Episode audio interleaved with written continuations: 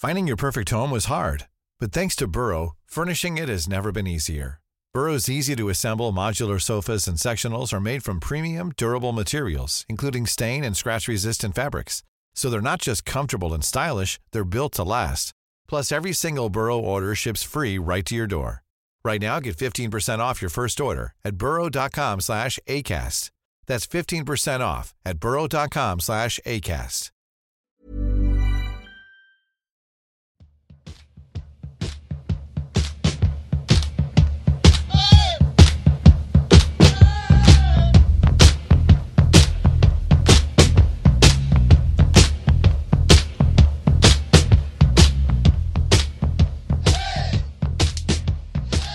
Ja, då är ni välkomna tillbaka till poddplats och vi får ju säga god fortsättning 2023. Vi sitter här, Niklas och Josef, men framför allt så har vi Erik Stefansson med oss. Hur är läget med dig? Tjena, det är bra. Fullt upp. Men eh, läget är bra. Ja, det låter ju bra. Vi kan ju säga det, vi får, du får väl presentera det närmare sen, men för den som inte vet vem du är, vem är du? Ja, vem är jag? ja, nej, Erik Stefansson är 32 år gammal snart och numera boende i Stockholm. Men jag har ju eh, växt upp i Umeå och i Tärnaby framför allt. Eh, och har väl alltid, alltid hållit på Löven, men, men jag är ju jag är mer engagerad där. Kanske, vad ska man säga, från 14-15 års ålder. Jag har varit, suttit i GDs styrelse och var ordförande några år också. Suveränt. Ja, vi kommer komma in lite mer på det senare och vi ska ju säga som vi brukar göra att vi kommer att prata om spelade matcher, kommande matcher, lite läget i truppen. Vi kommer också prata då lite med Green Devils och zooma ut lite och prata om supporterskap igår, idag och framåt kanske. Prata lite övrig hockey. Det är ju JVM som eh, pågår för fullt och kanske lite NHL. En sväng in i den övriga sporten. Eh, så att eh, välkommen till ett eh, nytt och förhoppningsvis fullmatat avsnitt. Ja, vi slog Modo borta med 4-1 och jag säger så här rakt på sak. Jag tycker att det var typ säsongens bästa match hittills. Håller ni med? Stötvis. Håller jag med. Ja, det, det, den första vi hade mot dem var det den första när vi hade dem hemma och vann. Den var ju också väldigt bra. Eh, generellt så verkar det som att det här laget har bra matcher i sig mot mer kvalificerat motstånd kan jag uppleva. Ja, mm. ja jag håller med. Det är, det är eh, de matcher som spelades senast är ju de som man minns bäst. Så när du säger att Modo hemma var vi ju väldigt bra också. Även om det var tidigt på säsongen så man möter ju lag när man möter dem. Mm. Eh, men vi kan väl säga så här att vi, vi har ju tidigare i avsnitt kanske nämnt lite om, vi har ju en första lina som är dödlig. Även fast nu eh, Weigel är borta så har vi ju också efterlyst kanske lite secondary scoring, vilket ju har kommit igång. Det är Bengtsson och Wiklund som gör varsitt. Och sen så Fortier och Ekefjärd, de två senare i öppen bur. Ehm, men vad, ja, generella intryck från matchen? Vad säger ni? Eh, nej, men jag tyckte att vi gjorde en, en stabil insats. Eh, vi höll modet mycket på utsidan framför allt och det, det tror jag har varit viktigt då att vi gjorde det ändå hyfsat lätt för Jona får vi säga. Han gjorde några riktiga kalasräddningar också, men att vi gör hans tillvaro så bra som möjligt. Eh, och det tyckte jag att vi gjorde. Eh, sen är det klart, man är alltid nervös, men, men när vi möter seriens absolut bästa lag hittills. Eh, så att jag tycker väl att det är som du säger Josef, man har den senaste matchen närmaste minnet tyckte att vi gjorde ja, kanske säsongens bästa match. Jag vet inte om jag, om jag kanske tycker det sett över hela 60 minuter, men delar av matchen så var så var det otroligt bra hockey från våran sida. Eh, och sen om man tittar på målen som vi gör också, det är sådana där chanser som framförallt Wiklunds mål. Det är ju mer eller mindre en, en slumpchans som dyker upp, men som han lyckas nypa dit. Bengtsson är ligger ändå någon sorts prestation bakom när han trampar runt där så så att jag tycker att Eh, skönt att vi får med oss lite sådana puckar, för jag tycker många gånger har de där studsat emot oss. Eh, men, eh, nej, men som sagt, Jona lugn i kassen och otroligt bra där också. Och jag tycker att våra backar gjorde en fantastisk insats. Vad tycker du Erik? Ja, nej, men det är väl där man. Det är, alltså när vi ändå. Det, det är stabilt. Vi släpper. Ja, två blir det väl till sist, va?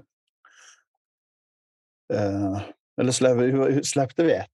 Ett bara. Apropå att man minns den senaste matchen. Ja, ja, ja. så en, Nej, men det är Bernard gör ju en. Så var det. Det blev inget Ja. fler, tack och lov. Mm. Nej, men ett mål där borta. Två hade väl också varit bra om vi släppte eh, där. Så det är väl det defensiva och det funkar ju uppenbarligen bra den här gången. Jona bra. Har varit det på slutet. Mm. Eh, men ja, det är väl det jag tycker är eh, den defensiva. Om, man, om vi släpper in ett mål så vinner vi ju ofta matcherna, även om vi har haft problem med vårt målskytte. Eh, så det kändes ju fantastiskt. Mm. Ja, han har ju någonting. Eh, jag men, nu är ju inte jag den, en större analytiker om olika målvaktsstilar, men han släpper ju lite returer. Han är lugn och fin och det, det känns ju som att det ger ju också en stabilitet till försvar i övrigt. Alltså, vi kan låta dem ha pucken ganska mycket. Vi vet någonstans att ja, han släpper inte in några billiga i någon större utsträckning så att han tar allt han ska, kanske lite till. Och det gör ju också då att man kan fokusera på att ja, men ta sin gubbe och allt det här. Ja, ja men skjut utifrån. Har han fri sikt så är det där inte ett problem. Eh, Medan men, genom åren har man ju sett mycket målvakter komma och gå och man märker direkt ja, men när, när man inte litar på målvakten på samma sätt, ja, men då hamnar det fort i knä och allt, alla de här klyschorna som man kan, man kan babbla om. Han har ju drygt 97 procent och det är ju, det är ju väldigt bra. Eh, vi, vi får ju också se att vi, ja, vi önskar ju förra veckan lite mer uppstyrda linor, vilket det också blev. Vi har Fitzgerald tillsammans med Poole och Schilke i första lina. Och jag tycker ju att det är väl inte så, så konstigt att ja, men centrar ska spela center. Svårare än så tycker jag inte att det ska behöva vara på ett sätt. Och nu är vi ju centra kort, men i alla fall. Sätt ihop de bästa och så får man försöka då eh, lappa ihop det längre ner i så fall. Mm. Ja, precis. Det var ju någonting man reagerade på. Alltså just det att lappa ihop det längre ner i så fall. Det där blev, matchen innan blev det en enorm skillnad också när vi gjorde inför tredje var det väl där när de, satt, när de, när de fick in en center första linan. Va? Mm. Eh, så det där blev ju en, det blev ju en jätteskillnad. Jag tycker just om vi ska hoppa tillbaks till eh, dels det så tycker jag att det är bra att vi vi sätter ihop en väldigt spetsig första lina som man, man får stora förväntningar på och att de andra tre linjerna blir lite mer kanske jämna, men de har olika kvaliteter eller om man ska säga. Eh, men sen om man tittar, om vi tittar lite historiskt, och då tänker jag vi ska inte sväva för långt tillbaka i tiden, men om vi tittar på våran rekordsäsong, då vi hade Joe Canera i mål. Han var också väldigt lugn i målet. Sen de målvakter vi haft säsongen efter och ja, då fjolårssäsongen när, när Jona kom in igen så tycker jag att vi har inte haft målvakter som har varit lika lugn däremellan som både Jona och Joe var i mål. Eh, vilket då har gjort att vi har fått ett stabilare försvarsspel också, precis som du säger Josef, att de litar mer på sin målvakt och kan spela försvarsspel på lite annorlunda sätt än om man har en lite för fladdrig och kanske lite för puckaggressiv målvakt. Alltså att man går lite för hårt mot puckförare hela tiden. Eh, men eh, bortsett från det, eller om vi ska lämna det målvaktsspåret så, så tycker jag att som de har formerat linjerna nu så tycker jag att det är bra att vi har en tydlig första lina. Eh, det hade vi tidigare också, men nu tycker jag att av det manskap vi har nu så är den det spetsigaste vi har att sätta på isen, vilket jag tycker är bra också. Eh, att vi har en, en tydlig lina som vi kan sätta in för att vi vill skapa målchanser. Jo, på, eh, vi- kan ju också notera att Possler fortsätter ju istället för Weiger i första powerplay. Och där skulle jag ju personligen önska att man kunde sätta in någon annan. Alltså det blir inte riktigt eh, klockrent, för man har ju kört som jag då kunnat se det som att ja, men det är Postler som ska eh, ta pucken och gå in i zon och det funkar inte riktigt. Ja, men vi smällde in två mot Mora, men vad jag minns det så var det då, om jag kommer ihåg rätt, så var det definitivt Schilker som hade kontroll på pucken ena gången när vi gick in i zon som senare blev mål mot Mora. Så det är ju inte han. Och jag skulle ju önska en sån som, ja men in med kapten där. Alltså återigen in med en center. Alltså låt en center vara center. Sen så är det inte riktigt samma sak i powerplay, det fattar vi allihop. Men att jag, jag tycker att eh, vi, vi skulle kanske kunna disponera powerplayen annorlunda. Ja, jag tycker ju också det. Man får ju in, ja, beroende på hur man ställer upp, men skulle Freddan, då har man ju ytterligare en bra te tekare. Freddan har ett bra skott också. Mm. Så den förstår inte jag. Där tycker jag att det är en no-brainer. Han ska in. Ja, han har ju spelat mycket powerplay förut också. Ja, eh. jag vet inte vad det där beror på. Om det är någonting de ser i sin statistik eller om de vill ha igång poster eller någonting. Men jag, jag tycker det, det verkar märkligt för mig. Ja, jag, jag tyckte också. Sen så, eh, ja, det är ju ett litet urval så att det är väl tidigt än, men alltså Eh, det var också tidigt urval med Postler som center och det slutar man ju med.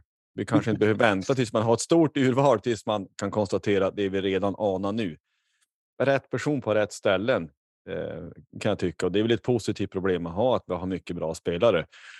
Men eh, jag tycker personligen den saken. Ja, så i alla fall. Vi är jätteglada att vi vann och det får man ju vara tacksam för. Och inte minst Wiklund, vart ju så ofantligt glad när han fick göra mål. För det har vi också varit inne på. Alltså, han har gjort ganska mycket poäng tidigare. Eh, och att se han, och han skjuter också hårt. Jag har varit på några träningar han har ställt upp en del övriga. Alltså, han skjuter som en häst. Eh, sparka, eh, likt många andra. Så han skulle också kunna ha haft någon slags avslutsroll. Och återigen, det är ett positivt problem att ha. Men eh, också, det, jag, ni såg kanske intervjun också, var det någon periodpaus eller efter matchen där han, ja men man har lite andra uppgifter och då tar man sig an det en ytterst sympatisk människa med jägarexamen dessutom. Det, det, det bör alltid premieras. Um, ja, då måste han ju in i PP direkt. Ja, jag tyckte klass 1 vapen och PP det hör ihop med varandra anser jag. ja, ja, eh, vi hade mycket på utsidan sa vi. Jag noterar någonstans. Eh, jag är ingen återigen. Vi, vi försöker analysera så gott vi kan. Jag tycker det var intressant att se Modos ingångar. De, Eh, alltså i zoner, deras anfallsspel är lite annorlunda än vårat. De kom med fart, men det är ofta de dunkar hårt i kortsargen. Gärna diagonalt uppfattar jag det som. Så kom det en forward på andra sidan och det var som att vi lät dem. Alltså vi, våra backar jagas inte fördärvad för att vara först, utan att vara rätt sida. Om de har pucken i anfallszon, ja, det är klart det gör någonting, men det var inte så att vi jagar ihjäl oss, utan vi är rätt uppställda, rätt på utsida, erövrar puck och går på kontring. Eh, har jag helt fel eller tänkte ni också på något sånt? Nej, men de vill ju gå in. Eh, som jag minns det så gick de in på på våran högersida och slog den diagonalt ner i vårt vänstra hörn. Mm. Eh, och så kom deras högerforward. Då får vi tänka att det var som kom i, i fart där Eh, Eh, men det är just det här att kommer du i hög fart så kan du inte svänga så snävt heller och slår du stopp så blir du ganska snabbt uppäten också om det om du har en back som som åker ut. Så att, eh, jag tycker att vi höll dem på utsida i stort sett hela matchen. Alltså, jag tycker inte att de. De skapar inte så mycket jättefarliga chanser. Sen hade de absolut kunnat kanske hade de gjort mål på sina chanser hade de kunnat vinna matchen såklart. Men jag tycker att vi, vi som jag sa tidigare, vi gav Jonas chansen att göra en riktigt bra match och våran försvarsuppställning är ju helt fantastisk just nu tycker jag. Även om vi liksom känner att vi, vi saknar ändå eh, kanske en eller två backar som skulle behöva fylla på för att bli ännu stabilare bakåt. Eh, men eh, ja, Nej, jag tyckte att det var.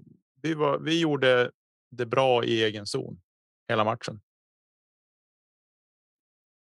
Ja, nej, jag, jag tyckte också. Eh, och det som du sa tidigare, det, det här med kvalificerat motstånd. Det är som att då, då steppar vi upp eller snäpp, snäpper upp oss ett snäpp defensivt och är mer noggrann. Eh, och när vi gör så, då, då, är vi svåra att göra mål på. När vi, när vi får till det. Modo ja. är ju fortfarande serieledare och lag att slå, men det känns ju bra att ha slagit dem två gånger. Det måste man ju säga. Mm. Alltså min upplevelse är att allting i de här matcherna som är lite hetare fungerar otroligt mycket bättre. Precis allting som Löven företar sig egentligen. Jag har ju haft ett problem med att jag har, jag har ju upplevt att de ibland inte har dykt upp förrän i slutet av andra perioden. Och det är klart, då har du ett sämre utgångsläge ofta. Ehm, jag, jag är inte lika duktig på, som, som ni är på att analysera eh, eh, hockey tror jag ändå. Men, men upplevelsen liksom totalt sett är att det, känns stab det kändes stabilt. Och det har gjort det de här matchen du och jag Josef var såg på första mot Djurgården på Hovet. Mm. Vi förlorade ju den till slut. Men, men upplevelsen där var ju. Jag tyckte det var samma sak där. Där var vi bra. Den hade vi. Den kanske vi till och med borde ha vunnit. Ja, det är ju blötare krut en sån match att vi, vi måste sätta lite mer lägen. Jag vill minnas att Wiklund var ju fri till exempel. Vi hade någon till eh, jättebra chans och i kombination med att den matchen fick ju Djurgården något billigt PP där som ändrar alltihop. Så att eh, en match som står och väger som vi lika gärna kan vinna. Vi, vi gör en bra bortamatch. Det, det räckte ja, men, inte då. Nej, precis, men känslan var lite densamma. Jag tycker vi uppträdde bättre över hela banan i de mm. matcherna. Mm. Ja, hundra procent. Uh, jag håller med. Vi kanske stängde den matchen lite grann. Konstatera att vi vann en eh, väldigt skön bortaseger. Och så fick vi några dagar ledigt och så är det ju så då att eh, vi. Ja, vi har Djurgården hemma eh, idag fredag.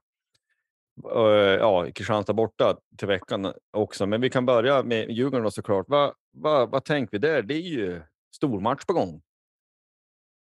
Ja, med risk för att vi kommer gå in med precis som det Erik nämner att vi är för sen in i matchen. Eh, men jag hoppas innerligt inte det. Jag hoppas att Djurgården ska få smaka på ett Löven som går ut och bara kör över dem i första perioden eh, som vi har gjort för någon säsong sedan mot Modo också. Att vi liksom avgjorde mer eller mindre matchen i första perioden. Sen var det mer en transportsträcka till slutsignal. Eh, så det är det, det jag hoppas att vi inte kommer ut och är för små heller. Att det är stora stygga Djurgården som är på besök, för jag tycker att de har visat sig ytterst små här på slutet. Eh, så att eh, jag hoppas och jag tror inte att det kommer att vara ett problem heller att komma taggad till match för spelarna. Det kommer att vara fullsatt och bra tryck på läktaren. Eh, att, eh, jag. Eh, ehm, ja, man hoppas ju alltid på tre poäng, men jag tror ändå någonstans. Kommer vi ut och är starka från start så tror jag att vi kommer att gå hem med tre poäng. Vad tror Erik? Ja, jag tycker väl också. Jag trodde väl kanske lite mer om Djurgården än vad, vad de har visat hittills. Det är ingen omöjlig uppgift på något sätt och jag tycker som du också att eh, det kan ju inte vara så att de kommer dit och uppträder slött nu i en och en halv period. Fredag inför fullt hus. Det kan ju bara inte vara möjligt, så jag tycker väl att det är en svårt, svår match förstås, men, men det är inte tre poäng ska inte vara omöjligt. Nej, Nej det, det, det tycker man ju definitivt inte att det ska vara. Vi brukar prata om det eller tjata om det. Att, jag, menar, vi, jag anser att vi ska ha god chans att vinna alla matcher vi spelar i den här serien med det lag vi har.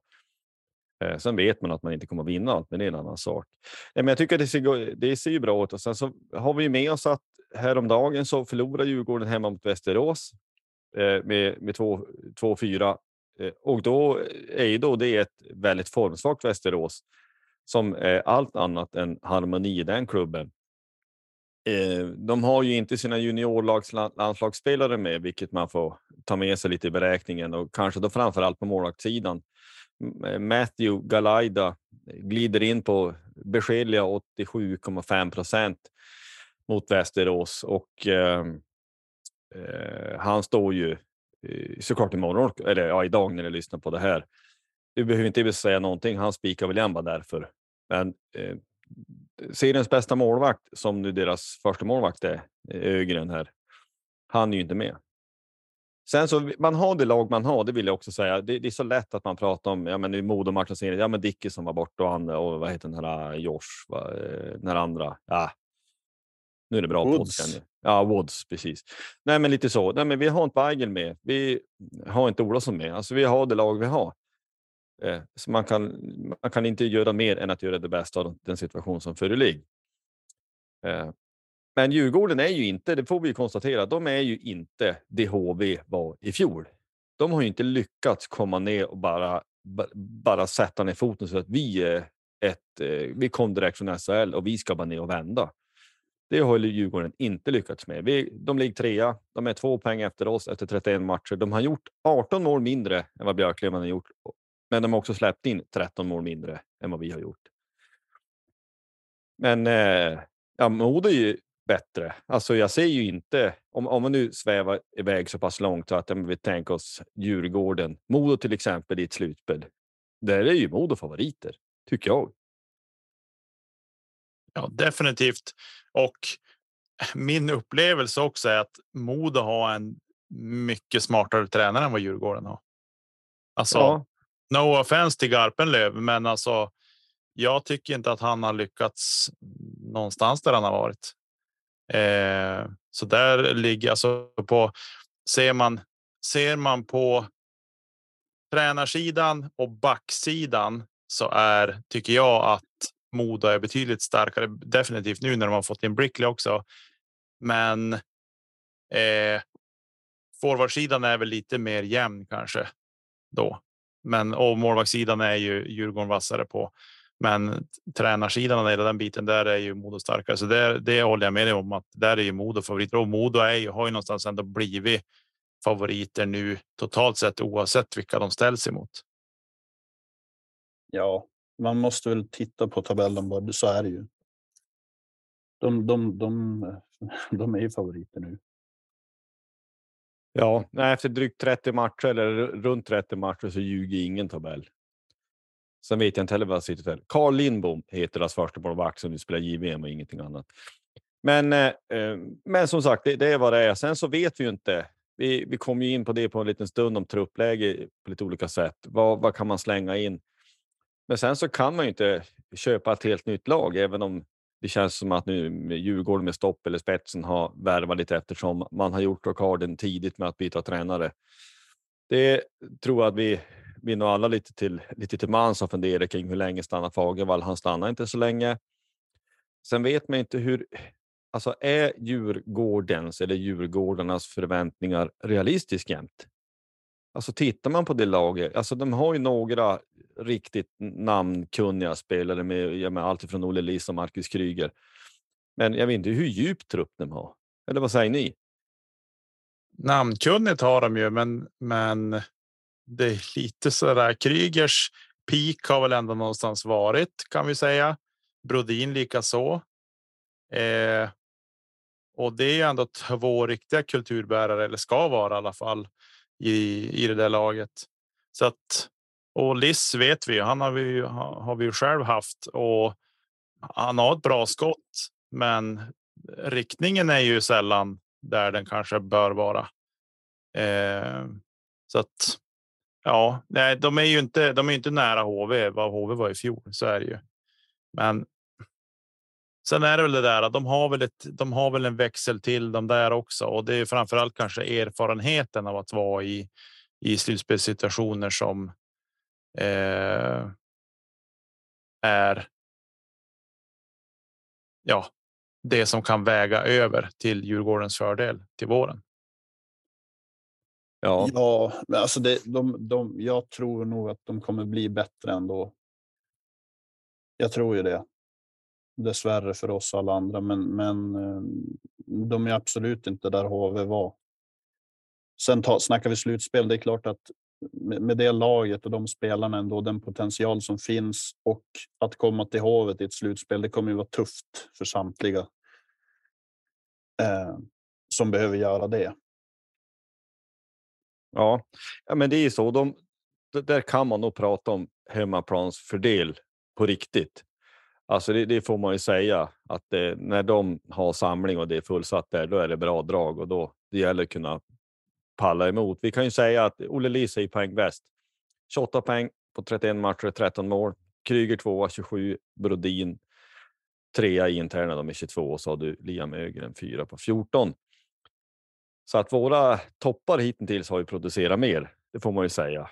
Eh, men det är vi också då beroende mer av en första lina då kanske. Men eh, och det gör ju ingenting så länge folk producerar. Men oavsett, det ska bli väldigt intressant att se.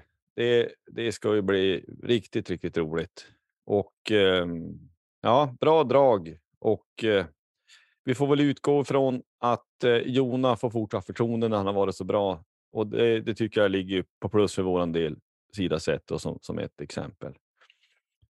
Eh, men vad säger ni, ska vi fortsätta i, i programmet ja. vårat? Vi, vi, jag hoppas och tror på tre poäng mot Djurgården och det ska bli riktigt roligt att se.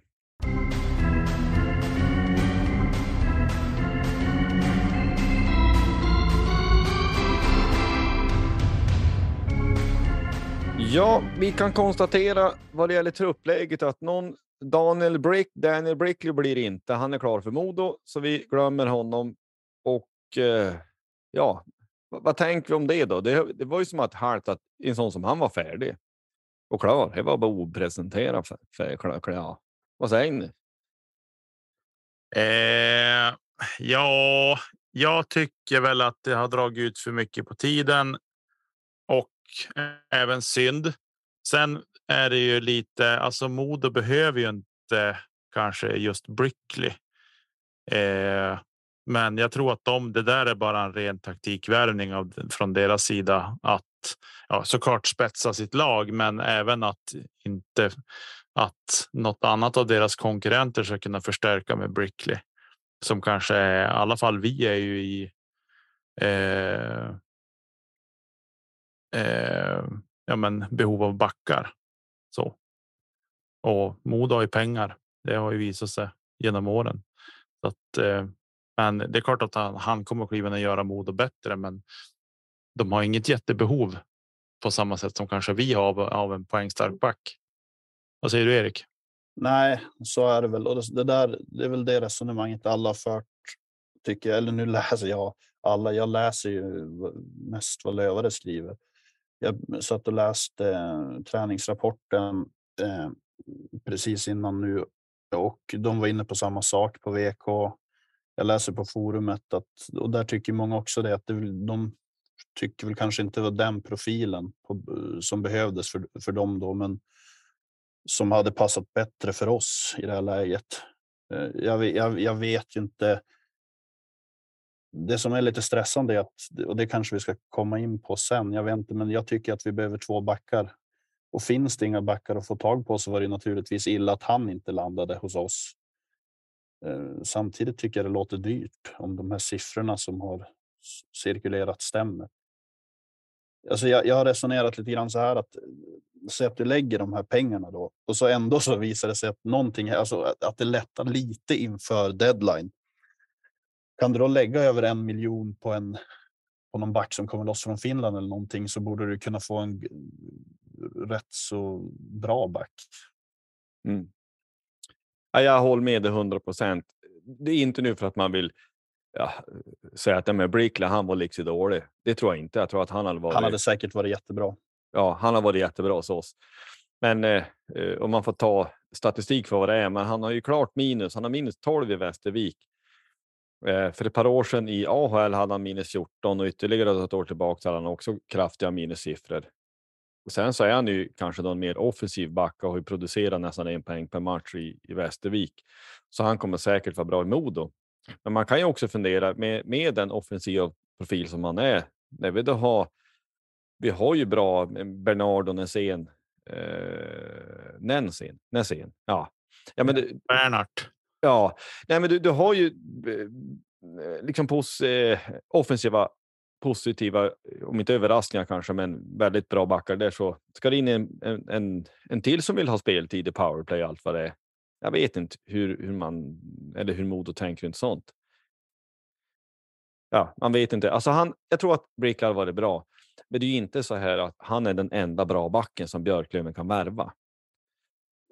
Nej, jag tycker inte det kan vara det och framförallt inte när det börjar handla om de summorna. Om de pengarna finns så måste det ju på något sätt kunna finnas eh, någon annan innan fönstret stänger. När det, nu är. det är 15 februari eller? Ja, precis. Ja, alltså, jag tänker alltså man, det jag har tänkt kring Brickley som har varit fördelarna. Det är dels att han kan ligan eh, och att han har spelat på storrink nu och liksom vant sig vid det och de bitarna. Alltså det är liksom fördelar som vi har och att han är en skicklig back. Eh, men sen är det för de pengarna. Det är ändå liksom sett till hur lång tid det är kvar på säsongen. Visst att vi vi tror och hoppas att vi ska spela länge i vår, men fortfarande så är det en hiskelig summa pengar. Eh, för en back som ja, klart att han har varit bra, men men ja, jag är. Ju mer jag har funderat på det här sedan det nu varit klart att han gick till Modo så är det så här. Ja, men det, vi borde kunna få loss någonting som är minst lika bra eller bättre för samma pengar eller lite mer pengar kanske längre fram. Eh, precis som du säger Erik från Finland.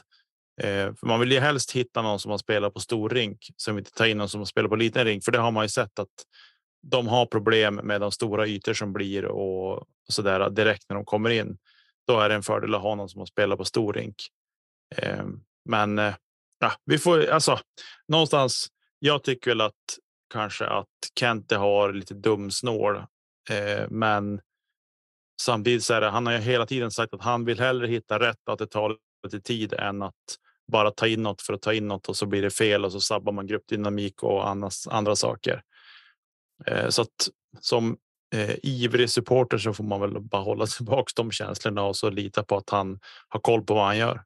Ja, och jag, jag, jag ser de där diskussionerna med folk, folk jag chattar med och i forum och så där eh, i sociala medier. Men där, där måste man ändå säga att fram tills dess att deadlinen har gått så är det omöjligt att, att, att utvärdera de beslut som Kent har fattat.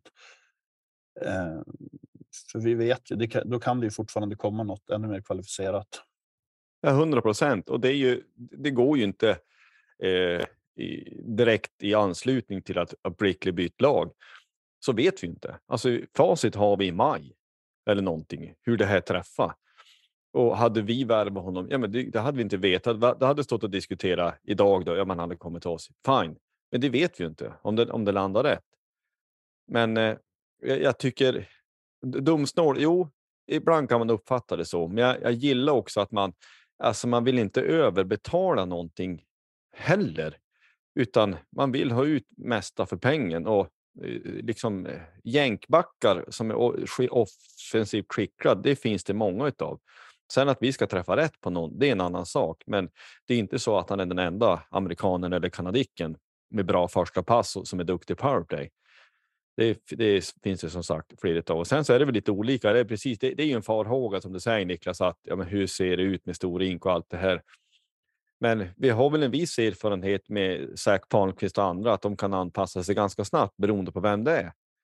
Men det är återigen, det är kanske inte heller så lätt att veta alla gånger jag, jag, kanske ska bemöta mig själv faktiskt, kom jag på. För att jag har läst att folk, eh, folk eh, har, har menat också, alltså, ungefär så här att eh, han borde agerat tidigare, Kente. Och de menar att vi har hamnat efter nu då eh, och, och sumpat våra chanser på serie, för serieseger och så. så. Så visst, den kritiken kan ju framföras. Jag håller inte med riktigt där. Kanske. Så jag, eller jag, jag vet inte hur höga krav man kan ha. Alltså vi får skador. Ska det omedelbart komma in någon då på några dagar som är bättre än Weigel till exempel? Det, det, det kanske inte är möjligt helt enkelt. Nej, då, då måste jag ha liksom Elon Musk pengar att värva för. Och det har vi kanske inte riktigt, även om vår ekonomi ser god ut med hockeyallsvenska mått mätt. Eh, och sen så kanske det är också så här, det är lätt att glömma bort att ja, men Brickley, det är väl inte, han kanske ville till Modo också. Alltså, vi, ja. vi, vi, det finns ju faktiskt en spelare, en människa där någonstans som själv vill spela någonstans och inte vill. Det är som att vi tror att vi ska kunna välja och vraka, att det är bara Kent det beror på. Men i syvende och sist är det ju en spelare som kanske har någon egen vilja. Det är ju lätt att kanske glömma bort på ett sätt. En annan spelare som det har pratats om tidigare, Miles Powell, där jag har inte hört något mer runt det. Har ni hört något mer? Nej. Nej. Nej, och det är väl som, som han sagt med Brickley. Han spelar för Västervik tills dess han inte gör det och nu gör han inte det längre. Det är likadant där att det är ju och det har ju också. Eh, ja, men det är någon back som eventuellt ska bli utlånad. Det är, man greppar ju efter varenda halmstrå man hör. Eh, men det har inte hört något mer. Men vi om vi zoomar ut lite. Vi va, va, vi tänker att du behöver värva och om vi går lite laget runt. Vad, vad vill vi ha? Och som nu är realistiskt då, och på det sättet. Jag tänker för en center in måste vi ha. Det är nästan viktigare än back i min värld. Ja, eh, om jag får, får jag önska så ska jag vilja ha in en righterback till. Eh, för, att, för att balansera upp det, för det tycker jag framförallt nu för alltså. Vainio. Det är ju rysk roulette med hans närvaro tycker jag. Eh, fantastiskt när han är bra, men även eh, tragiskt att han han har åkt på någon smäll och så är han borta. Liksom. Eh, och det tycker jag att vi blir tunna bakåt. Det har man sett så många matcher att det blir problem när vi ska etablera anfallsspel för att vi får våra lefterbackar får spela med backhand ute vid sargen och sådana saker. Det finns så många fördelar man får in en righterback eh, till, så jag skulle gärna fylla på med en med en righterback om jag får välja utan att ha något namn. Men det är liksom där jag kände jag skulle vilja fylla på. Men precis som du är inne på Josef, få in en center, en stark center skulle jag gärna vilja få in en riktigt bra center. Ja, jag vet inte Josef, du kan ju vapnen kanske bäst i sällskapet, men, men mm. det känns ju som att du har bättre odds i rysk roulette i alla fall. Sen kanske konsekvensen är, är värre, men jag vet inte. Vainio har väl inte spelat. Alltså, det, det, vi måste ju tänka bort honom. Ja, ja, men det är lite grann så. Vi fick lite respons tidigare av eh, eh, också på sociala medier där. Eh, där han tog som ett exempel mellan Vaino och Lindgren. De är född samma år. Eh, jag tackar Albin som har eh, haft den här inputen att han, han tog som ett exempel att Vaino ska ha då 168 eh, seniormatcher Eh, en full säsong eh, med 47 matcher och Lindgren har 291 seniormatcher och då har ju han spelat bara sju matcher den här säsongen. Så att i, i en jämförelse så han. Han är jättebra när han är frisk Vaino, men vi måste kunna konstatera att är du född 97, då är du inte superung längre. Du fyller 26 i år. Det, det är på något sätt när han är frisk så är han bra, men vi kan absolut inte räkna med eller lita på att han är frisk. Det är ju bara så. Ja. Eh, jag, min önskelista då, om jag ska ta den, eh, är ja, en center måste vi ha in. Men ja, en back. Jag, jag, jag skulle nästan helst se två stycken. Eh, jag tycker det finns två eller tre backar i det här laget som jag vill begränsa speltiden på i ett slutspel. Där jag tror vi kommer få problem annars.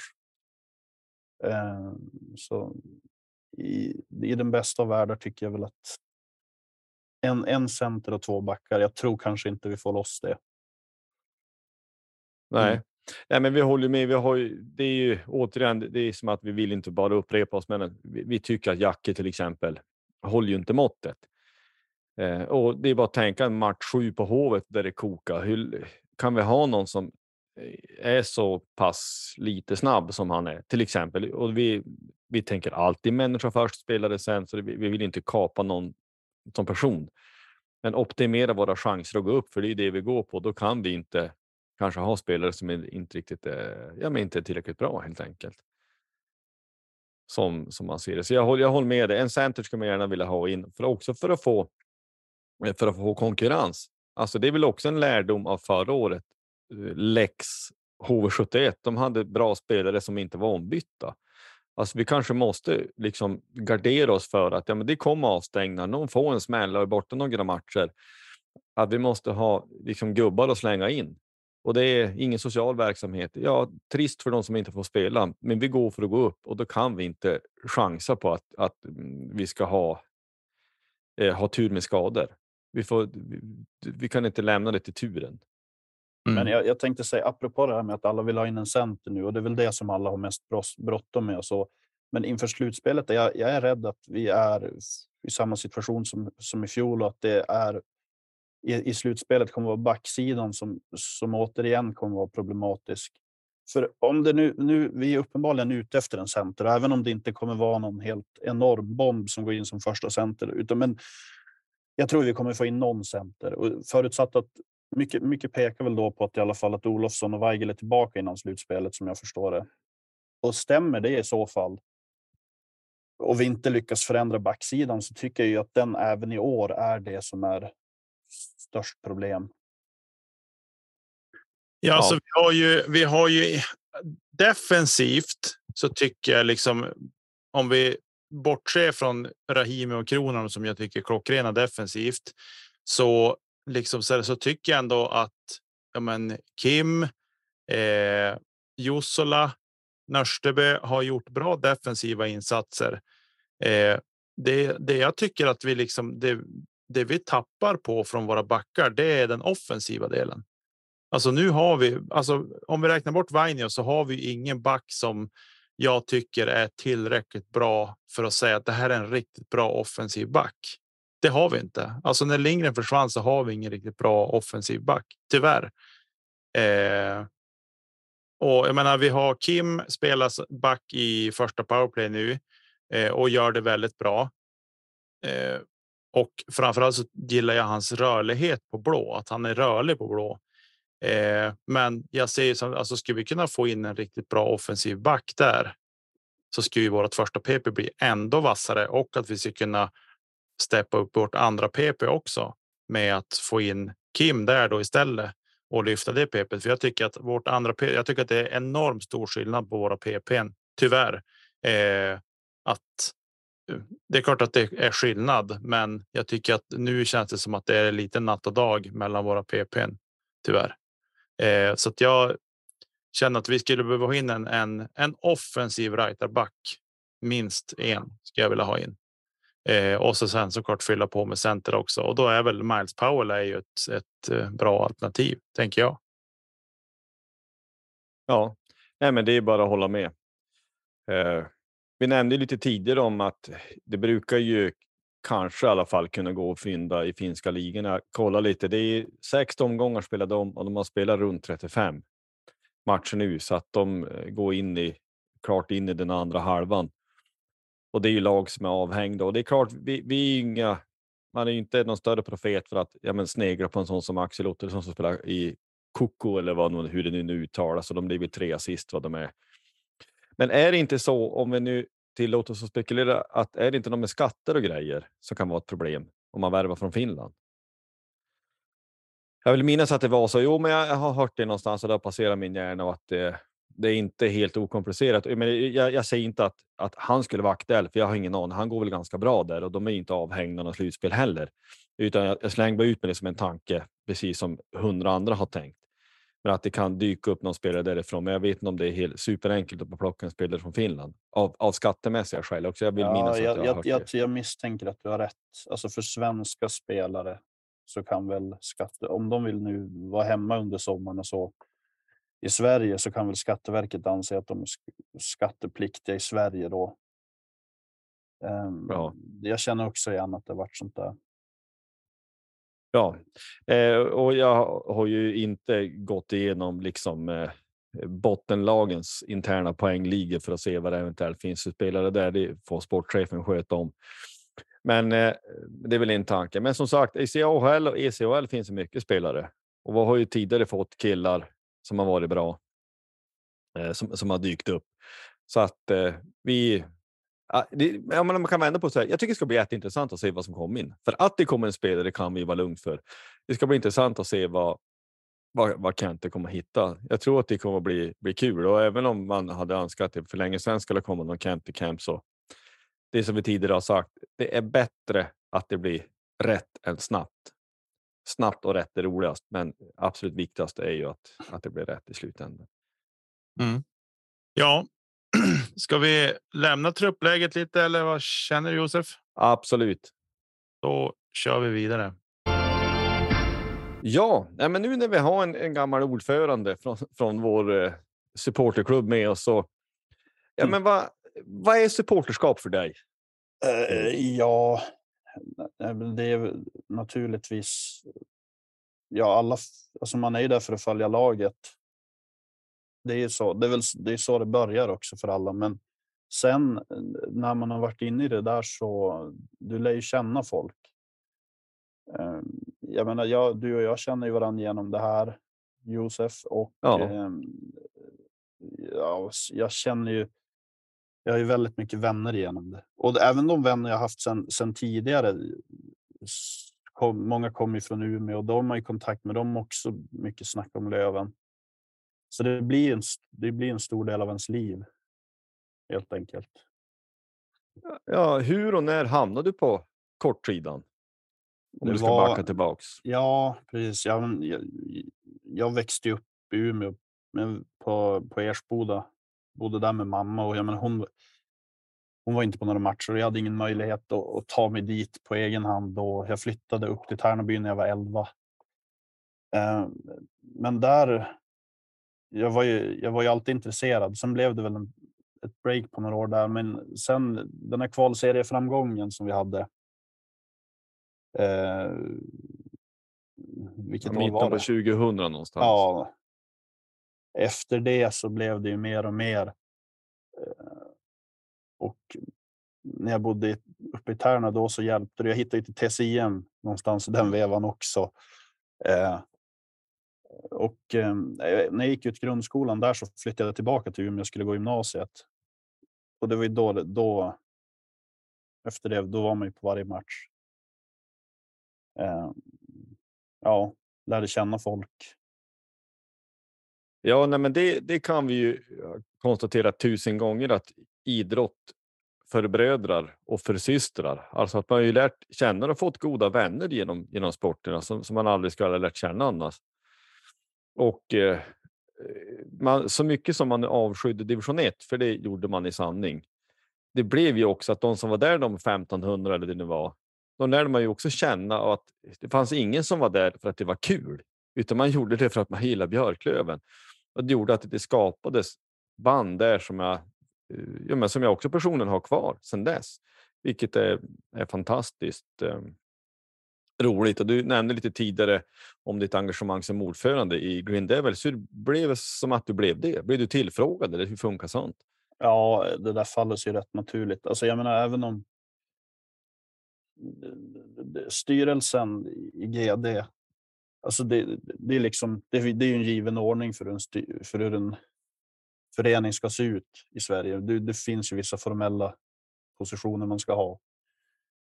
Sen, man är ofta i är ett kompisgäng liksom. Och vem som har vilken post, det tror jag inte är så avgörande. Ofta har det väl varit kanske mest jobb för den som har varit kassör. Eh, och liksom fått ta ansvar för, för mycket. men men eh, jag kom ju in i styrelsen där. Ja, då blev jag tillfrågad. Mm. Och så var jag nog eller, ja, ledamot några år innan de då var det några ett gäng som skulle sluta av olika anledningar och då eh, blev jag tillfrågad om jag kunde vara, ställa upp som ordförande. Men det, det är liksom, man, man hjälps ju åt med allting. Och det är även folk utanför styrelsen som kan hjälpas åt. Även om det, i alla fall när jag var där, var styrelsen som höll i skrubben och det här. Mm. Såg till att få fram grejer på läktaren. Resorna förstås är också ett, blir något som styrelsen eh, jobbar med. Men, men där har man ju, när jag kom in så var det där så väl fungerande redan och vi har bra kontakter. Så det, det, har liksom, det, det, är inte, det har inte varit något jättebetungande jobb. Nej. Nej, men det är ju, vi utan att låta för självgoda så vill vi ju mena att vi, alltså med tanke på att vi har spelat utanför högsta divisionen i över 20 år nu, så är vi en stark kortsida. När vi är på humör så är vi en av Sveriges bästa, skulle jag faktiskt vilja påstå. Ehm, så det är ja, alla som har hållit ut i, liksom i alla år. Det är bara lyfta på hatten och låta sig imponeras utav det. Det, det hjälps ju inte. Men jag tänkte, du, du har ju varit på mycket matcher. Har du några schyssta eh, stories genom historien? Måste ju ha hänt mycket roligt ändå. Ja, du har ju varit med om några.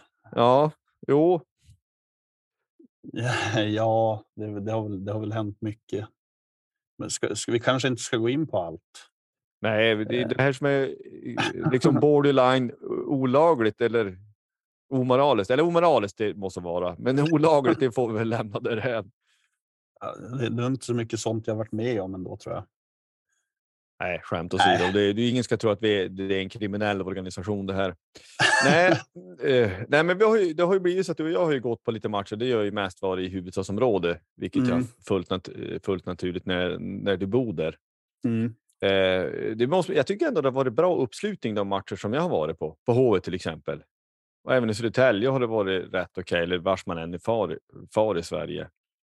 Hur ja. ser du på, jag menar på något sätt, vi, supporterkulturen, vi, vi har ju haft diskussioner, eller diskussionerna har ju gått en del. Det har ju blivit lite, eh, jag ska, det har varit en del bränningar som inte har varit så stora kanske, men det har ju, alltså i en inomhushall är det ju så att bränner du en, en bengal eller någonting som ryker så har inte röken någonstans att ta vägen.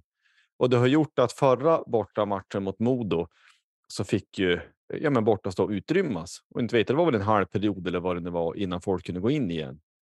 Och jag kan fatta att det här, det går kanske inte vara riktigt så kategorisk, men vad, vad, vad tänkte du runt sånt här? Du som har ja, varit engagerad i supporterklubben och runt det här. Vad, vad... Alltså, jag, fritt. Ja, jag, jag har ju Ja, alltså jag har ju sett den här diskussionen som uppstått efter, efter den där rökbomben. Eller om det har hänt två gånger i år. Jag är inte jätteengagerad. Det upprör mig inte särdeles ändå. Mm, eller ja, grejen är att jag ser väl ingen. Jag tycker inte att det är särskilt effektfullt och därför kan jag inte. Alltså, om, om det här görs i stor skala med någon typ av tanke så tycker jag att det kan vara häftigt. Det behöver inte betyda att det är lämpligt att göra inomhus. Problemet är att jag ser inte att det görs med någon eftertanke.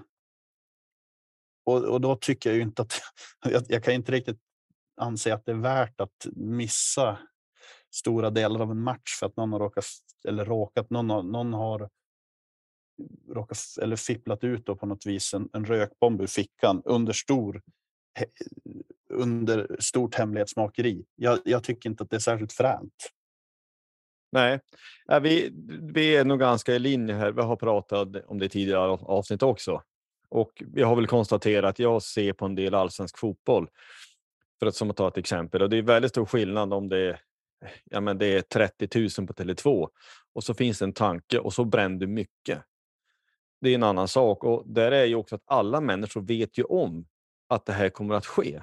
Så de som har känsliga luftrör, om det nu är så, ja, men då får du se till att då ställer du inte där.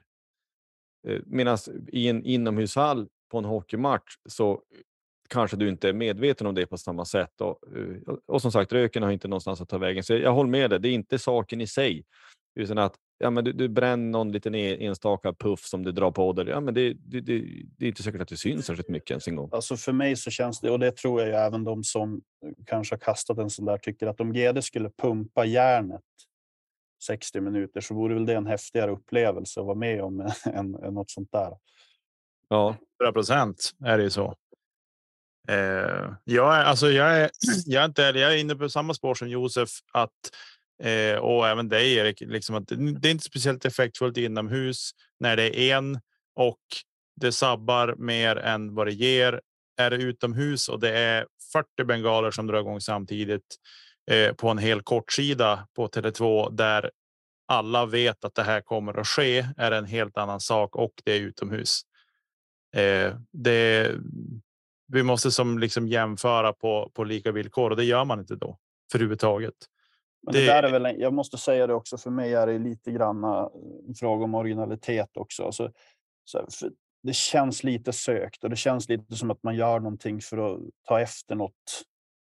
Och ska vi inte då försöka göra något? Jag vet inte. Jag, jag har lite jag, jag svårt att se se vad det bidrar med. Jag tycker det vore häftigare om, om, man, om man gör, alltså gör saker på sitt eget sätt. Ja, det, men det är nästan så att man vill citera Patrik Larsson. Det är faktsökeri. Ja, det är det ju. Kanske. Ja, som man inte heller uppnår kanske. Det Nej, jag, för mig är det ju inte särskilt effektfullt. Ja, nej, men det är ju det är ju så. och Vi har ju till och med varit inne på det här med nästan kamratfostran, eller alltså att, att eh, de som har varit med längre visar de som har, eh, liksom går yng, ja, hur man gör yngre och vi kan, man kan jämföra lite olika. Ja, men det handlar om kulturer. Alltså klackkulturer. Alltså vi kan jämföra oss med andra hockeyklackar eller om man zoomar ut och ser på klackkultur i Sverige överhuvudtaget eller kortsideskultur. Det är lite olika beroende på vilket lag du följer. Vissa lag har trumma, det har vi också. Medan du aldrig någonsin kommer att få se en, eh, en trumma på Hovet när Djurgården spelar till exempel. Aldrig. Eh, för det, så gör man inte i den klubben.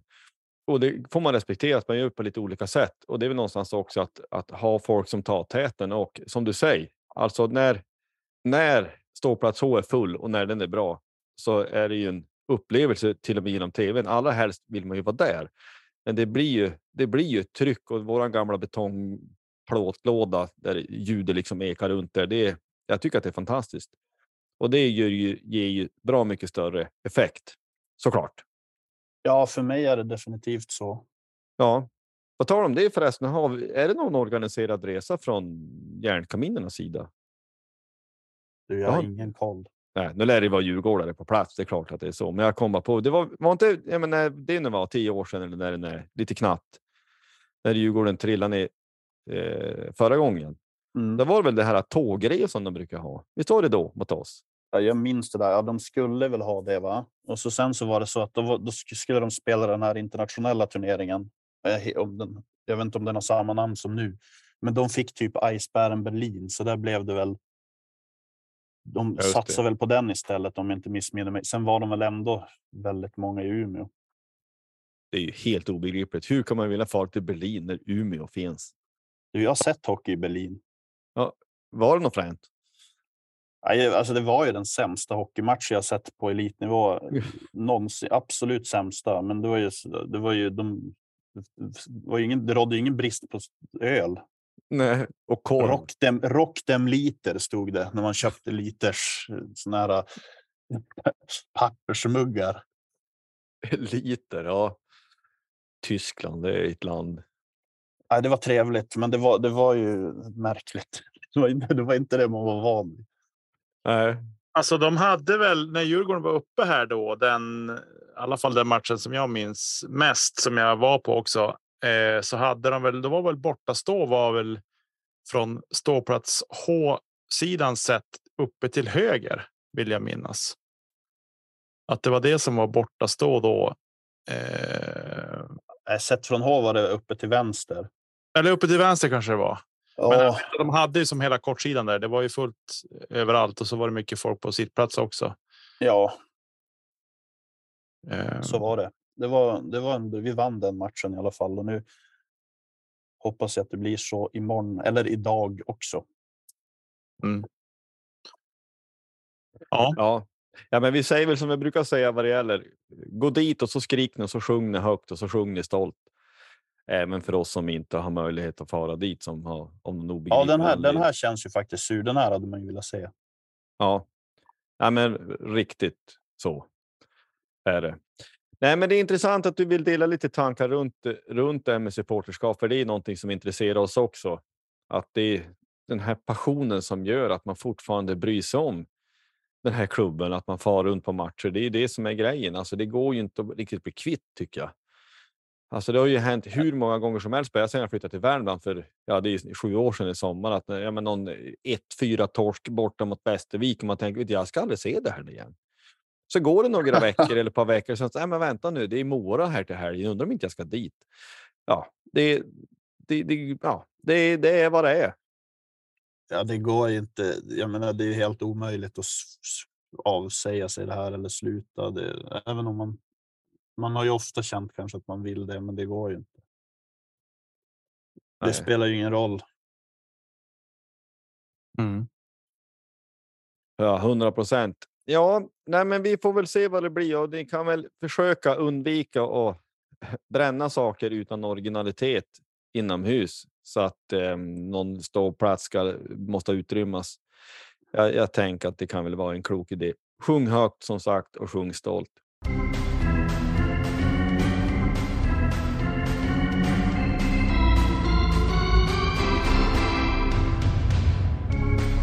JVM, har, har ni följt det någon, någonting i någon utsträckning? Jo Nej, Inte en sekund eller? inte en sekund. Eh, det har jag inte gjort på många år. Eller jag följer bara Löven. Jag ser inget annat. Nej, Nej, alltså det är, hockeyintresse är ju för mig också knutet mycket till, till Löven, men då fort är det att man kan slökolla på någon annan match. Häromdagen så eh, liksom man kom på sig själv och sitta och glo på Karlskoga Mora och tycka att det är rimligt. Ja, men det är ju knutet till ja, men på något sätt att eh, de spelar i, i samma serie. Jag har inte följt JVM supermycket heller, men jag har ju sett lite av Sveriges matcher. Och så i, i natt, det har ju blivit lite att man har vänt på dygnet, så jag såg en del av eh, Kanada-USA. Det var en snabla match alltså. Det jag såg, jag såg ju inte hela, det stod 2-2 när jag gick och la mig.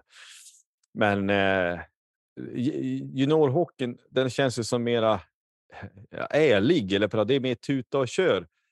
Man är lite mindre cynisk och eh, eh ja, ja, vi- vi, ska ju konstatera att i, i, i, idag när ni lyssnar på det här så har ju då matchen mellan Sverige och Tjeckien spelats. Nej, nej Sverige, alltså, alltså Tjeckien ska med Sverige och USA om, om bronset. Eh, men vi, eh, jag måste säga, vad det gäller JVM, det är den här känslan har man haft tusen gånger, men att ibland är det nästan att man får att, men varför ska man låtsas som att man spelar om det? Jag vet inte om ni har sett någon highlights eller hört någonting, men USA fick ju två mål bortdömda. Varav framförallt det ena är ju helt horribelt och man kan ju vända på steken att men skulle Kanada ha fått sina mål bortdömda på det sättet och det kan man ju pantsätta hus och allt på att det hade de inte fått. Och det är ju enormt frustrerande tycker jag. Eller har du, har du sett det Niklas? Eller? Nej, det har, just det har jag inte sett. Eh, jag kollade i morse när jag vaknade var matchen slutade. Eh, bara för att se vilka Sverige skulle få möta i bronsmatchen.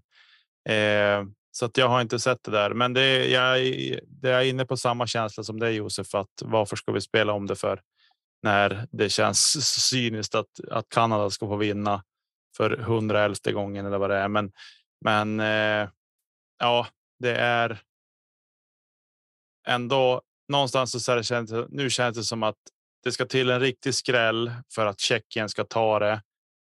Eh, men också så bortsett från det så måste vi få säga det. Alltså den här Bedard som spelar i Kanada. Vilken snabla lirare det är alltså. Alltså han har ett sånt sjukt spelsinne. Han är född 2005. Det- Hej bara en pojk. Ja, bara det i sig är ju läskigt. Nu fyller han ju 18 i år, 2023 och det ska bli intressant att se vars han.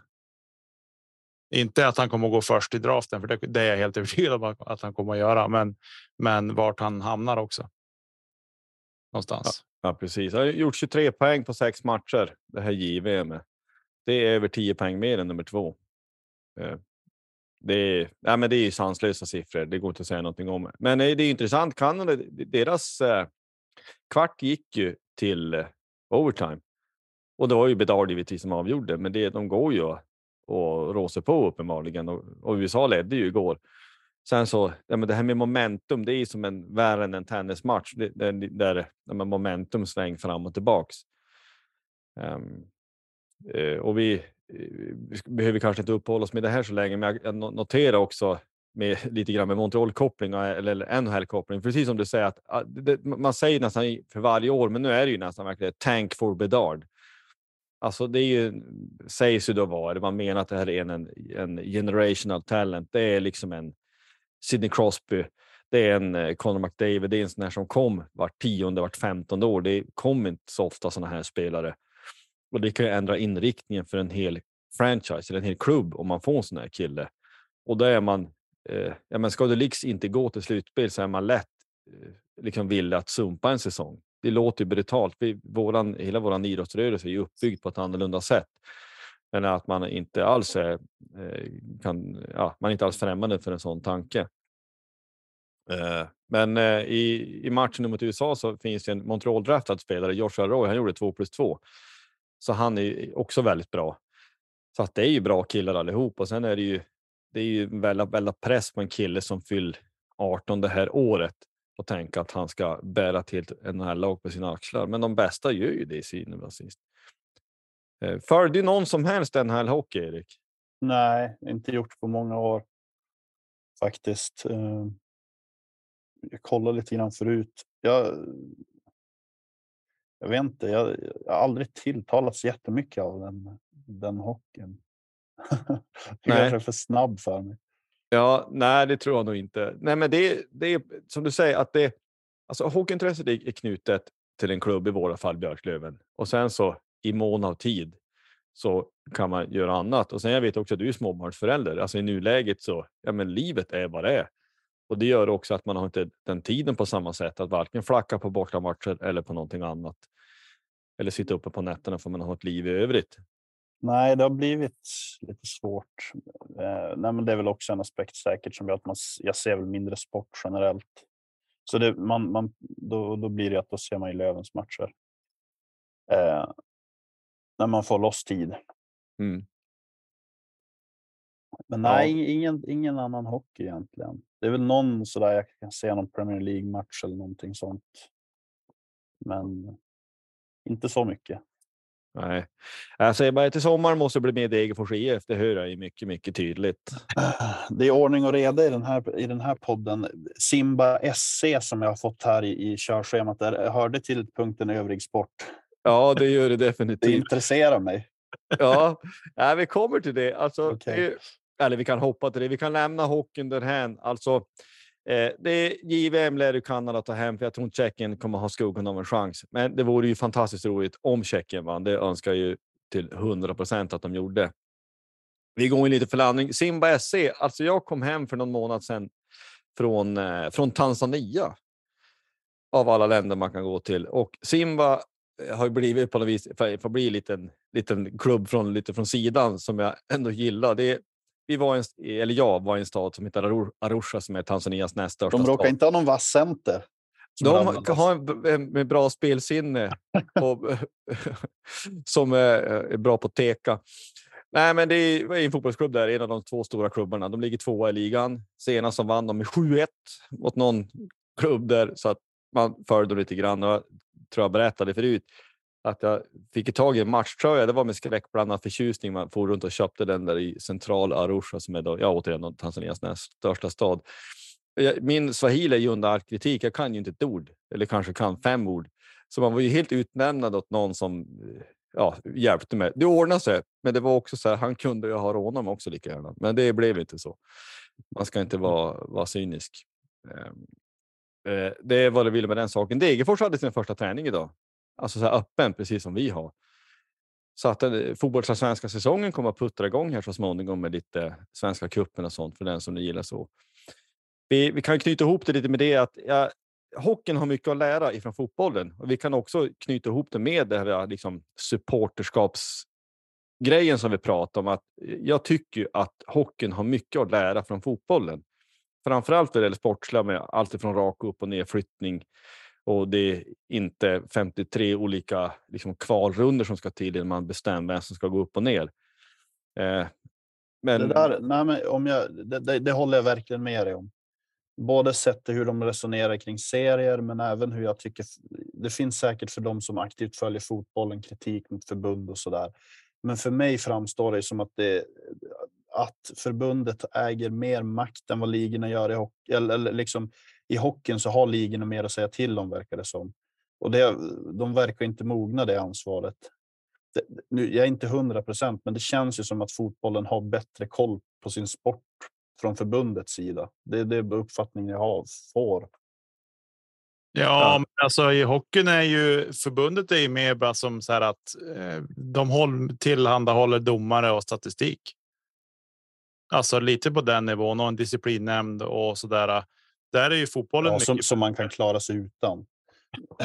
men Eh, men det som är det är också som är stora skillnaden är ju att alltså SHL, själva ligan och Hockeyallsvenskan, den ägs ju av lagen i ligan, vilket gör att det i sig skapar ju en skyddad verksamhet lite grann.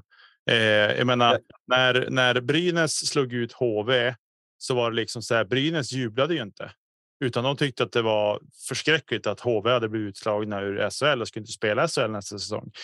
Bara en sån sak gör ju någonstans man tycker att ja, ni sitter ju i samma båt och bestämmer saker och ting tillsammans. Men tyvärr så fick nu HV åkt ut på, på sportsliga grunder. Men att det här att Brynäs inte alltså. Det är så tydligt, blir så tydligt för mig någonstans att sporten hamnar i andra hand. Då. Ja, men också sen titta på titta på det som hände ja, i Umeå. Under covid säsongen där där vi hade. Vad var det? Fyra eller fem lag från Umeå där, där förbunden tog olika beslut. Så att det, det fanns ju liksom inom idrottsrörelsen olika tolkningar över vad, kring hur man skulle agera när man fick avbryta all sport. Och det är klart att jag vet inte hur fotbollen löste detta och det är heller inte direkt jämförbart. Men det är klart att SHLs beslut och att, att inte ge oss möjlighet en sån gång. Det här är ju förhoppningsvis inget problem som, som är liksom återkommande. Men där har man ju också ett exempel på en problematik som kan komma genom att ha det här upplägget. Ehm, för SHL naturligtvis, och det har, väl, det har man väl sagt ganska öppet, eller det verkar ju liksom allmänt vedertaget som sanningen, att där, där tänkte man på ekonomin och man tänkte på sig själva. Ehm, det är, liksom, det är väl lågt hängande frukt, det är väl en rimlig förklaring. Men, men just i och med att ligan där har så mycket att säga till om att de är det blir, det blir konstigt för mig. Jag tycker att där förbundet måste kunna ta tag i och äga sin sport. Mm. Ja, 100 procent. Det här är ju en, en jätteviktig diskussion som jag tycker man måste lyfta hela tiden. Eh, ja, fotbollen är sporten. Den känns eh, i första rummet alltid. Jag menar, fotbollen som sådan är en, ett globalt fenomen. Du kan ju nästan förklara världen genom fotboll. Och fotboll spelas överallt, i, liksom i alla länder och alla världsdelar som finns. Men att, eh, ja, men vi, vi, kan ta Degerfors som ett exempel. Ja, men Degerfors är i stort som Lycksele eller något sånt. Men de har gått hit på sportsliga grunder och då skiter ju om ja, men är orten tillräckligt stor eller är arenan, ja, men den ska ha tillräckligt bra lyse. Så de har fått byta och det finns lite arenakrav, men inte alls som det i alla fall var tidigare i SHL. Och jag pratade senast med en snubbe idag och han framförde ju argumentet, vi, vi är goda vänner, men, men som man ibland hör att ja, men, eh, eh högsta ligan behöver ett lag från huvudstaden. Och jag tänkte bara, va? Varför det? Det är ju helt ointressant. Alltså, sporten ska vara viktigast. Jag skiter i var lagen kommer ifrån. Mm. Ja, det är, inget, det är inget vettigt perspektiv. Men där hockeyn måste ju sluta titta på Nordamerika och börja titta då i så fall på svensk eller ja, hur, hur svensk idrottsrörelse generellt har funkat. Vi, vi kan inte försöka kopiera något, något nordamerikanskt system. Som heller inte, liksom, de har inte det här med upp och nedflyttning. Allt är radikalt annorlunda. Vi kan inte ha dem som ständig... Vi, vi, liksom, vi kan inte titta ditåt i svensk hockey. Nej, absolut inte. Och liksom där vill jag ju också i någon mening Eh, nu uppfattar jag inte att, att du eh, på något sätt eh, rackar ner på det sättet på nordamerikansk idrott. För den, är så, den är så monumentalt annorlunda. Ja, precis. Nej, det gör jag inte. De verkar ju, det är ju skithäftigt på många sätt och vis. Det är inget jag vill ha i Sverige. Men det är så radikalt annorlunda som du säger så att då, då, de här två systemen är inte förenliga. Nej, Nej, men 100 procent. Och, man måste, eh, och jag som då för NFL en del, då, ja, men där kommer ju alla spelare från collegeidrotten. Alltså det är, det är liksom skolidrott, men det är ju där man utövar idrott, i alla fall vissa idrotter, i någon slags organiserad form. Så de, de har ju inte bredden som vi har som gör att vi kan få en spets och att det finns klubbar i varenda stad på det sättet. Alltså det funkar inte så. Eh, och det, det, måste man ha klart för sig. Uh, och hela den här idén med upp och nedflyttning, det var det bärande fundamentet på vad all idrottsrörelse i Sverige handlar om. Och tar du bort det eller minskar eller vill på något sätt göra någon slags gråzon där, vilket man ju med näbbar och klor har gjort, då blir det ju fel. Uh, det är liksom bara så. Det är, jag, jag, tycker inte att vi ska ha upp och nedflyttning så. Alltså att ja, men den som vinner serien vinner SM-guld. Alltså det är klart jag vill ha slutspel i hockey. Jag vill ha slutspel även i Hockeyallsvenskan på något sätt. Eh, men allra helst skulle jag vilja haft eh, en kvalserie som tidigare och sen hur man nu snillrikt skulle bygga upp det. Men som det är nu där du kan, ja men i vårat fall, om man är bortser från pandemin, men i Modos fall nu också, att ja men du kan vinna en serie helt överlägset och ändå så är du ja, på, på sin höjd garanterad sju matcher i en kvartsfinal eller vad det nu kan vara. Det är kanske inte rimligt riktigt, utan man ska ha större incitament att serien betyder mer. Mm. På, på, något sätt. Jag, jag, är inte människa att lösa den saken, men, ja, men eh, fotbollen, ja, men det är rak upp och nedflyttning. Vinner du en serie i Sverige går du upp. Punkt. Mm. Så tillvida att du inte vinner den högsta serien, för då vinner du SM-guld. Mm. Nej, jag tycker man ska, det, man, det man kan hålla isär också, det är väl kanske, men, till exempel, jag är väl lite så här, ja, eh, nu när man ser internationell hockey och framförallt junior-VM som spelas i Kanada, de spelar på liten rink det är ju liksom, det är en sån diskussion som har varit uppe här också om vi skulle ta hit eller inte. Det är något helt annat att vi väljer att ta hit en sportslig grej med en liten rink. Det organisatoriska, det är det som vi har försökt efterapa det som de har i USA eh, med hela de bitarna. Men just ser man till sporten så jag är ju inte främmande för att vi ska ta hit och spela på liten rink, vilket eh, skulle förändra och vara en enorm övergångsperiod här i Europa eller i alla fall Sverige primärt. Eh, men bortsett, alltså det är det organisatoriska vi inte kan jämföra med någonting som är borta i Nordamerika för överhuvudtaget. Alltså, vi har inga likheter för överhuvudtaget. Eh, så att där är det väl liksom. Är det någonting man skulle ta därifrån? Det är väl i sådana fall liten ring. Det är väl det jag kan kan tänka mig. Men i övrigt så ska man inte jämföras överhuvudtaget. Nej, Nej jag, jag håller med. Nej, men det här är en jätteviktig och även intressant diskussion som vi kanske får lämna därhän. Eh, men eh, ändå viktigt att ha med sig. Och det här i synen och sist handlar det om att ja, men hockey är viktigt för oss. Björklöven är viktigt för oss. Och eh, det, det som bär en och det som har burit genom de här dryga 20 åren, det är att man vill vara med om en uppgång till högsta ligan igen. Eh, ja, men det som har varit till och med prat om att eh, ja, men, eh, om ligan skulle utökas, allt vad det, det skulle vara. Man skulle absolut inte vilja gå upp via ett skrivbord någonstans. Nej. Så är det ju. Det får väl inte riktigt hända. Eh, och det, var, det är liksom inte det man menar med det här som händer efter covid heller. Jag vet inte, men, men jag konstaterar bara att i det fallet blev det blev det märkligt. Eh, eller det är ett sådant exempel som kan där, där det uppstår problem med våra, vårat upplägg med ligorna. Men nej, det är klart att vi måste få spela oss till ett avancemang. Någon gång ska det väl kunna ske om vi fortsätter och, och, vara ett topplag. Ja, alltså vi har alla möjligheter den här säsongen som tidigare säsonger, men jag, jag, jag, jag tycker verkligen det. Beroende på hur vi träffar med de killar som vi förväntar oss ska komma in så så jag har vi alla möjligheter. Vi slog seriesegrarna tämligen klart får vi ändå säga. Och låt det få vara liksom en påminnelse om att vi behöver inte frukta något lag i den här serien. Däremot, vi kan åka en kvart eller vad det nu kan bli. Det måste vara. Men eh, lag måste vara bra för att slå oss i ett slutspel. Det kan jag tycka är en rimlig, en rimlig slutsats och kanske en rimlig avslutning. Vad säger ni? Ska vi gå in för landning här? Det tycker jag. Ja, då säger vi bara så här då. Tack för att ni har ly eh, lyssnat och tack Erik för att du har varit med. Vill man nå oss, vilket vi jätter, vi får, vi får ju nya lyssnare hela tiden. Det får vi meddelande om så att eh, fortsätt att dela oss och häng med på det här. Eh, Löventåget som tuffar på här inne i 2023. Vi finns på sociala medier. Vi har en mejl poddplatsh@gmail.com om man vill mejla oss. Och eh, så ses vi på någon läktare vid något tillfälle. Adjö. Tack.